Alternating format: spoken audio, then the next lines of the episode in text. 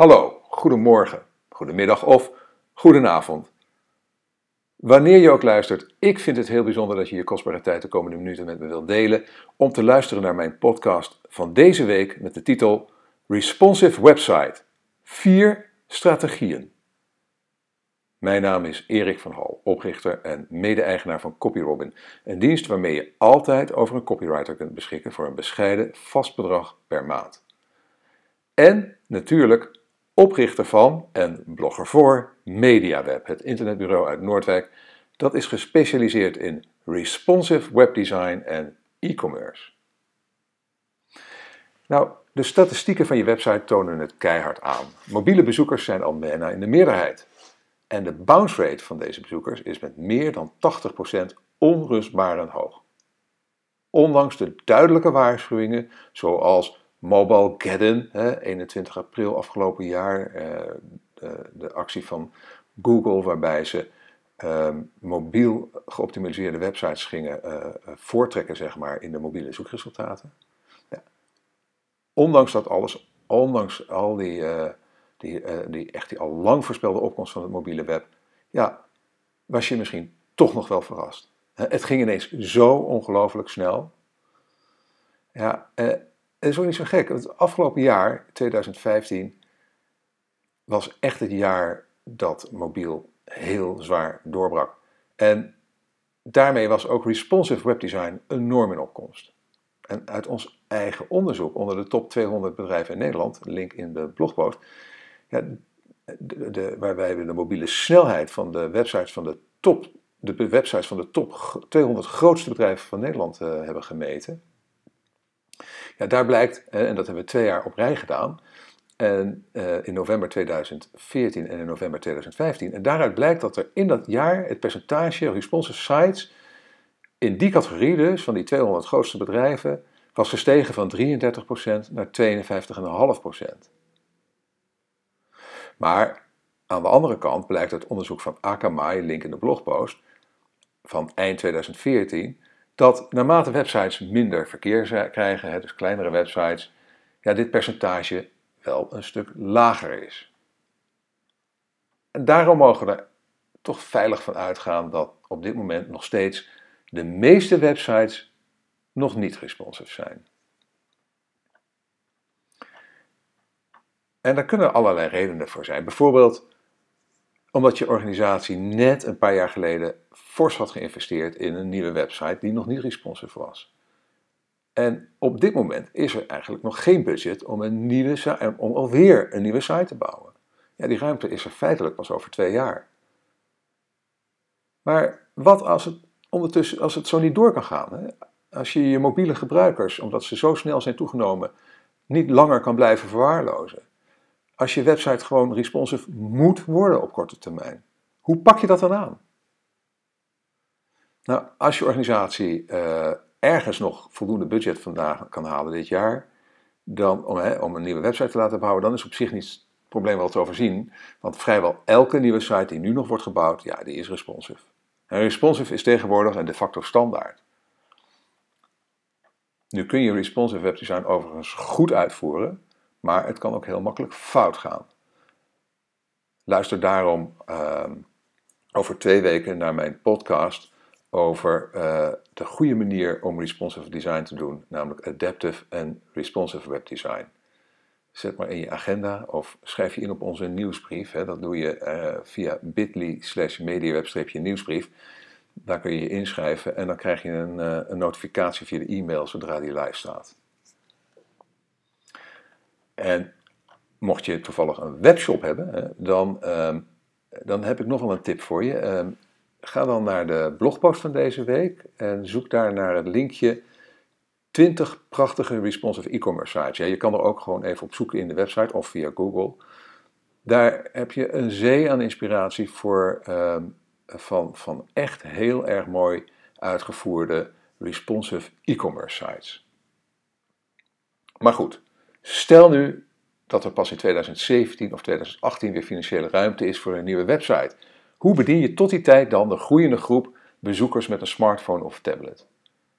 Nou, in de podcast van deze week neem ik met jou vier verschillende strategieën door om tot een responsive website te komen. En twee daarvan vallen in, zijn in ieder geval in de categorie budget. Die besparen uh, geld uh, en, en, en kunnen je ook helpen om op korte termijn toch al responsive, een responsive website te hebben. En die vier verschillende categorieën die ik vandaag met je ga bespreken, die zijn achtereenvolgens. Ten eerste, je bestaande website ombouwen, eventueel stapsgewijs. De tweede is om een responsive mobiele site te realiseren naast je bestaande desktop site. En ten derde, en dat is weliswaar de tijdrovende en kostbare, maar ook gelijk de beste manier, adaptive en responsive webdesign. En daarover dus over twee weken veel meer. En tenslotte je website beetje bij beetje responsive maken. Nou, ik kom even ten eerste bij optie 1 en dat is je bestaande website ombouwen. Bij deze strategie pas je dus je bestaande website aan zodat deze responsive wordt. En deze aanpak is aantrekkelijk als de website groot is, veel bezoekers heeft en het helemaal opnieuw bouwen te veel tijd en te veel geld gaat kosten. De voordelen van deze aanpak zijn ten eerste, het is relatief snel. Een bestaande website responsive maken kan al door een aparte CSS te maken voor kleine schermpjes. Afhankelijk van hoe de website is geprogrammeerd, kunnen de programmeurs wellicht ook meerdere breakpoints, zogenaamde media queries, aanbrengen voor verschillende schermafmetingen. Waardoor je het effect van een echte responsive website aardig kunt benaderen. En dit zal de gebruikerservaring voor mobiele bezoekers in ieder geval verbeteren en daarmee ook de vindbaarheid van je website op smartphones. Het tweede voordeel is dat het vertrouwd is. En vooral als een website veel terugkerende bezoekers heeft, is een grondig redesign niet zonder risico. Mensen wennen nu eenmaal aan een website en verzetten zich snel tegen elke verandering. Ook als deze feitelijke verbetering is. Nou, door de bestaande site om te bouwen is het verschil met de oude situatie relatief beperkt. En het derde voordeel is dat het organisatorisch makkelijker is. Het ombouwen van een bestaande site zal ook intern minder snel op weerstand stuiten. Je zult minder gedoe krijgen over ontwerp, welke kleur blauw te gebruiken. Je kunt werken met bestaande teksten en foto's. En je zult minder tijd kwijt zijn aan het overtuigen van managers, directie of jezelf. Maar er zijn natuurlijk ook nadelen verbonden aan deze methode. Ten eerste, het blijft een labmiddel. Een goede ervaring voor mobiele gebruikers gaat niet alleen over het aanpassen van het ontwerp aan verschillende schermafmetingen. Bij het ombouwen van de bestaande site naar een responsive laat je de nodige kansen liggen die een echt goed uitgevoerd responsive design, en daarover over twee weken dus meer, kan bieden. Het tweede nadeel is dat je uh, risico loopt op, een, ja, op te veel en verkeerde content. En meestal vergt een goed responsive design namelijk ook een heroverweging van de contentstrategie, omdat kleinere schermpjes dwingen tot een sterkere prioritering van de content. Het risico bestaat dat mobiele gebruikers door de bomen het bos niet meer zien. En het derde nadeel van deze aanpak heeft te maken met de prestaties. Een goed responsive design betekent ook het optimaliseren voor met name langzamere smartphones met trage verbindingen. Nou, bij het ombouwen van een desktop site is dit meestal onbegonnen werk. Dat was de eerste strategie, dus het ombouwen van je bestaande website. De tweede is, ehm, en deze is erg geschikt voor als je weinig budget hebt en wel veel haast. En dat is om een responsive mobiele website naast je bestaande desktop site uh, neer te zetten. Dat is, eigenlijk als het ware een M-dot. Um, en de truc is dat die uh, responsive opgezette M-dot site dan de komende tijd, dat kun je in maanden of jaren zien, je uiteindelijk de desktop geheel gaat vervangen. Dus je, zit, je zit, hebt heel snel een website voor mobiele gebruikers, relatief snel en voor relatief weinig geld. En dat is gelijk eigenlijk uh, de basis voor je toekomstige complete responsive site. Je plant als het ware een zaadje voor een responsive toekomst, terwijl je de bezoekers met een smartphone op korte termijn al een veel betere ervaring biedt. De voordelen ja, die zijn duidelijk. Een snelle, betaalbare oplossing. Een mobiele versie van een website, een zogenaamde MDOP-versie, is doorgaans veel sneller en goedkoper te realiseren dan een complete, responsive relaunch. Je zult je mobiele bezoekers dus al redelijk snel een goede gebruikerservaring kunnen bieden tegen relatief geringe investering. Het tweede voordeel is dat het risico beperkt is. Vooral als het aantal mobiele bezoekers aan de website van je organisatie nog niet zo groot is, want in dat geval biedt deze aanpak de mogelijkheid om kennis te maken met responsive design en dat zonder gelijk alles op het spel te zetten. Eh, dat is gelijk ook, sluit aan op het derde voordeel, dat, je, eh, dat is het betaalbare lesgeld. Door klein te beginnen en in geleidelijke stapjes de responsive website uit te bouwen, zonder de enorme druk van een complete responsive relaunch, kan het team rustig, experiment, rustig experimenteren en leren. En vierde bepaald niet onbelangrijk eh, voordeel is dat het toekomstbestendig is. Een responsive opgezette mobiele website volgens onze principes van de duurzame website, link in de blogpost, maakt je organisatie klaar voor de toekomst. Want deze website dient uiteindelijk als basis voor de responsive website die na verloop van tijd de bestaande desktopsite zal vervangen. Maar er kleven ook nadelen aan deze aanpak. Ten eerste, het blijft natuurlijk in eerste instantie gewoon een MDOT-site. En de nieuwe site mag dus wel responsive zijn. Het is dus nog steeds een MDOT met alle nadelen van dien. dus uh, met URL- en redirect-problemen. Uh, dus je hebt eigenlijk gewoon twee websites naast elkaar. Dat, dat, dat kan tot verwarring leiden. Dat is ook uh, voor zoekmachine-optimalisatie kan dat problematisch zijn. Maar ook voor het beheren van je inhoud, van je teksten, van je, van je content in twee, op twee verschillende websites. Um, uh, uh, wat dat betreft, als je daar uh, wat meer over wil weten over het verschil tussen MDOT en responsive eh, en, en, op grond waarvan je de, die keuzes kunt maken, heb ik in een eerdere blogpost, ehm, namelijk die van, wat was het, en dat is ook een podcast van, van vorige week, app, mobiele site of responsive site, en vorige week wilde zeggen 7 januari 2016, uh, daar behandel ik dat. Dus uh, als je daar meer over wil weten, uh, volg het linkje in de blogpost of ga er gelijk naartoe. app, mobiele site of responsive website.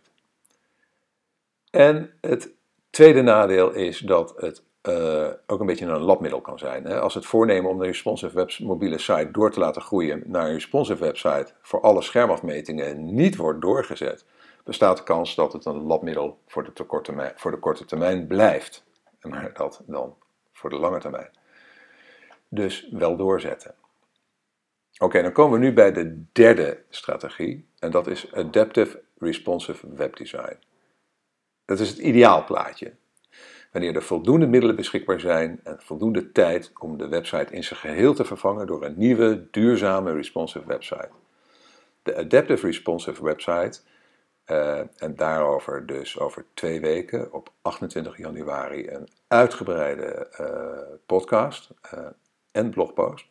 De Adaptive Responsive website gaat het beste om met de restricties van veel mobiele gebruikers. Kleine schermpjes, langzame processors en trage internetverbindingen. Ook biedt deze aanpak gelegenheid om apparaatspecifieke mogelijkheden te benutten, zoals bijvoorbeeld GPS-plaatsbepaling. Nou, de voordelen van de Adaptive en Responsive uh, website, ja, dat zijn er heel wat.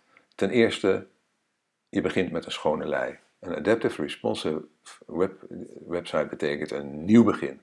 Het biedt de kans om de website te baseren op een doordachte contentstrategie en een schone, schone codebase zonder de belast van verouderde technologie. Het tweede voordeel is, je krijgt een breder bereik. Je kunt de website namelijk werkelijk mobile first en content first ontwikkelen en door middel van progressive enhancement, link in de blogpost, um, een veel breder spectrum aan mobiele apparaten bedienen. Ik zal hier kort progressive enhancement wat toelichten, maar ook daarover ga ik over twee weken in de podcast de diepte in. Dus als je geduld hebt over twee weken, dan krijg je een zeer uitgebreide uitleg over de werking van progressive enhancement. Maar het komt erop neer dat je um, uh, niet zozeer kijkt naar de schermgrootte alleen, wat, wat, wat responsive uh, doet. Dus een website die responsive is, die past zich aan aan de schermgrootte van het apparaat, maar het kijkt ook naar de overige capaciteiten van het apparaat. En de, dus de, de, de snelheid, de verbinding, uh, of het wel of niet om kan gaan, de browser die erop zit, met, bijvoorbeeld met JavaScript en dat soort dingen. En de content van je website past zich automatisch aan aan de capaciteiten van het apparaat aan de andere kant. Uh, daarom heet het dus Progressive Enhancement. Dus eigenlijk met het meest simpele telefoontje krijg je bij wijze van spreken, om het heel, om het heel um, heel sterk te stellen, alleen maar tekst met wat plaatjes. Terwijl je op, de, op, een, op een mooie uh, tablet of desktop of een hele moderne smartphone een complete ervaring krijgt met animatie en prachtige typografie, nou, et cetera, et cetera. Progressive enhancement dus. Het derde voordeel dat heeft te maken met prestaties. Bij een schone mobile first aanpak kunnen de ontwikkelaars de prestaties van de website vanaf het begin optimaliseren voor snelheid. Dat is erg belangrijk. Het geeft grote voordelen voor de gebruikerservaring van alle denkbare bezoekers en daarmee ook voor de conversie van de website. Het vierde voordeel is dat het uh, een allesomvattende aanpak is. De Adaptive Responsive Website biedt een optimale gebruikerservaring aan alle type bezoekers. Van de kleinste smartphones en wearable gadgets tot de grootste smart TV's. Het is een alles-in-één oplossing met alle voordelen van dien. En tenslotte is het een duurzame oplossing. Een schone start met een Adaptive Responsive website biedt de gelegenheid om te ontwikkelen volgens de principes van de duurzame website, link in de blogpost. En de duurzame website die past zich moeiteloos aan, is eenvoudig te, uit te breiden met nieuwe functies, simpel aan te passen aan de nieuwe huisstijl en je hoeft nooit meer een ingrijpend redesign te doen met alle kosten en risico's van dien. Dus dit zou ook gelijk je laatste grote redesign moeten zijn. Er zitten natuurlijk ook nadelen aan deze aanpak. Ten eerste, het kost tijd en geld. De Adaptive Responsive aanpak is bepaald geen quick fix. De realisatie van een nieuwe Adaptive Responsive website vergt een behoorlijke investering van tijd en geld. de kunst is om ervoor te zorgen dat deze investering zich de jaren erna dubbel en dwars terugverdient. Het tweede is dat het is wat contra-intuïtief. Het is uitdagend om mensen en organisaties anders te laten denken. En de Adaptive Responsive aanpak zet alles wel een beetje op zijn kop. En voor veel mensen zal het dan ook contra-intuïtief aanvoelen om niet meer te denken in pixels en sterk ingesleten begrippen als above the fold. Ten derde, het is best ingewikkeld. Hè? Een compleet redesign van een website is een ingewikkeld traject. En omdat er veel op het spel staat, is het vaak ook politiek gevoelig binnen een grotere organisatie. Dit vergt tact en doortastendheid van het team. En tenslotte, het is ook riskant. Zoals hierboven al gezegd, mensen houden niet van verandering. Elk ingrijpend redesign, hoe grote verbetering ook, roept altijd in eerste instantie weerstand op bij gebruikers. Denk alleen maar aan de commotie die er ontstaat wanneer Facebook iets kleins verandert aan de interface. Laat staan dat ze iets groots zouden veranderen. Oké.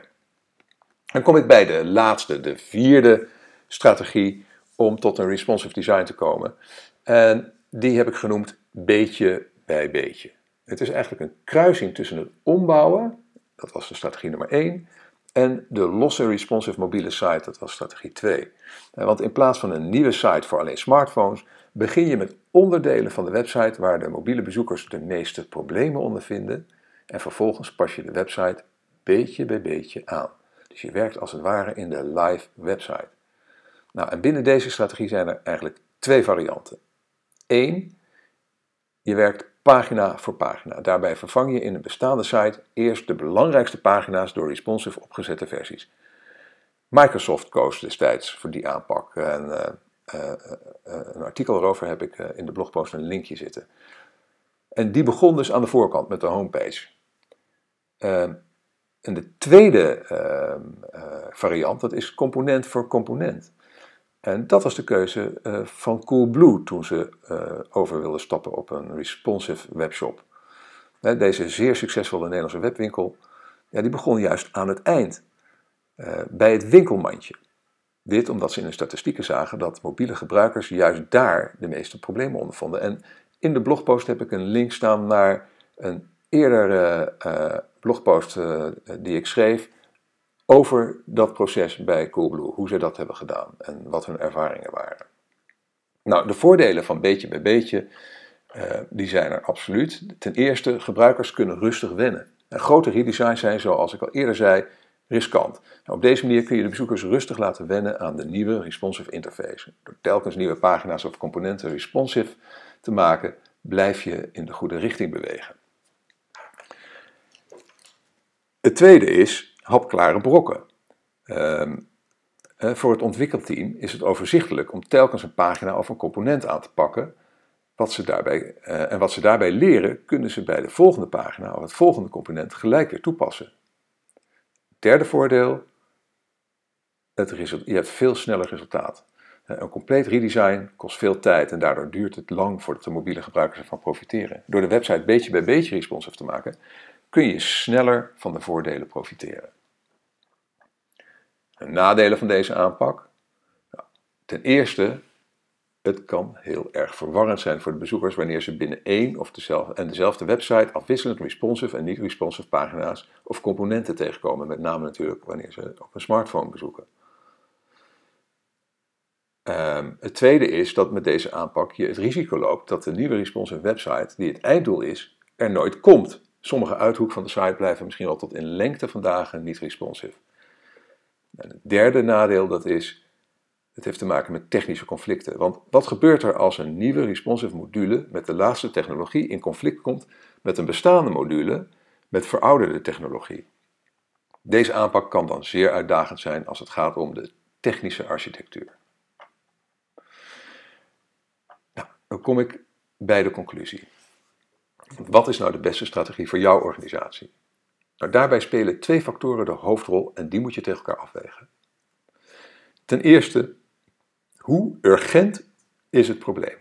Als momenteel meer dan de helft van je bezoekers mobiel is en de bounce rate en of de conversieratio van je bezoekers, van die mobiele bezoekers, is belabberd, dan heb je een urgent probleem. Maar als nog maar 5% van je bezoekers mobiel is en je bounce rate of conversieratio is acceptabel, dan heb je geen urgent probleem. Tweede uh, aspect is, beschik je over voldoende tijd en middelen?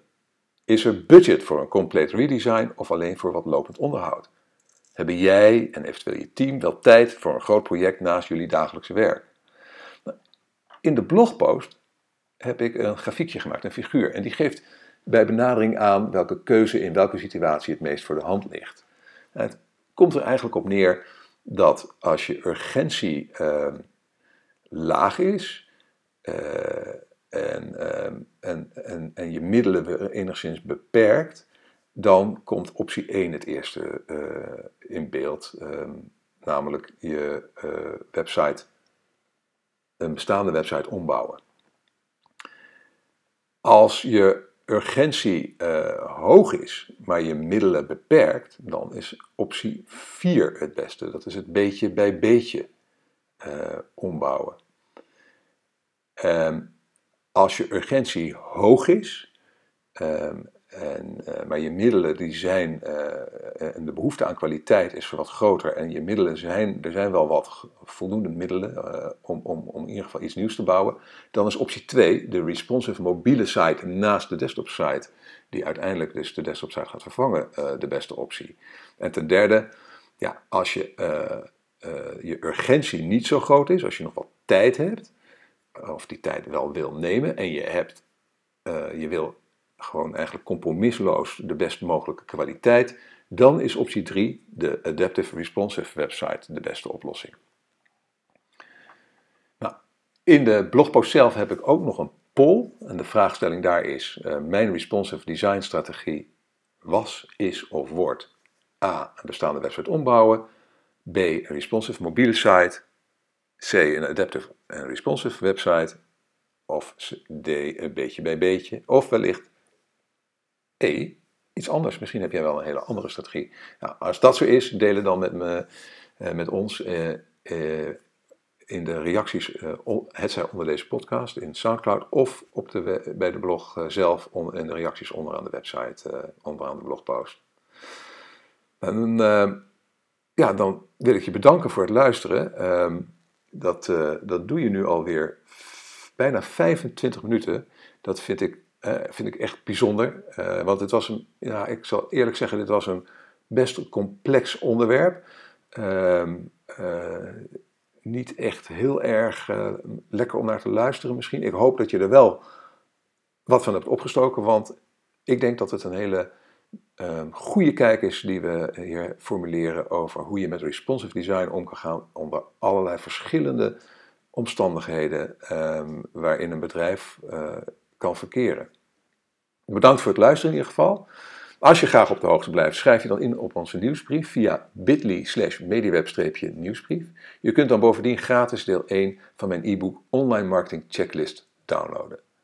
En als je met veel plezier hebt geluisterd, nogmaals, laat een review achter bij SoundCloud of in de reacties onder de blogpost op mijn website. Nogmaals, heel erg bedankt uh, dat je al deze tijd bent blijven luisteren en heel graag tot de volgende keer.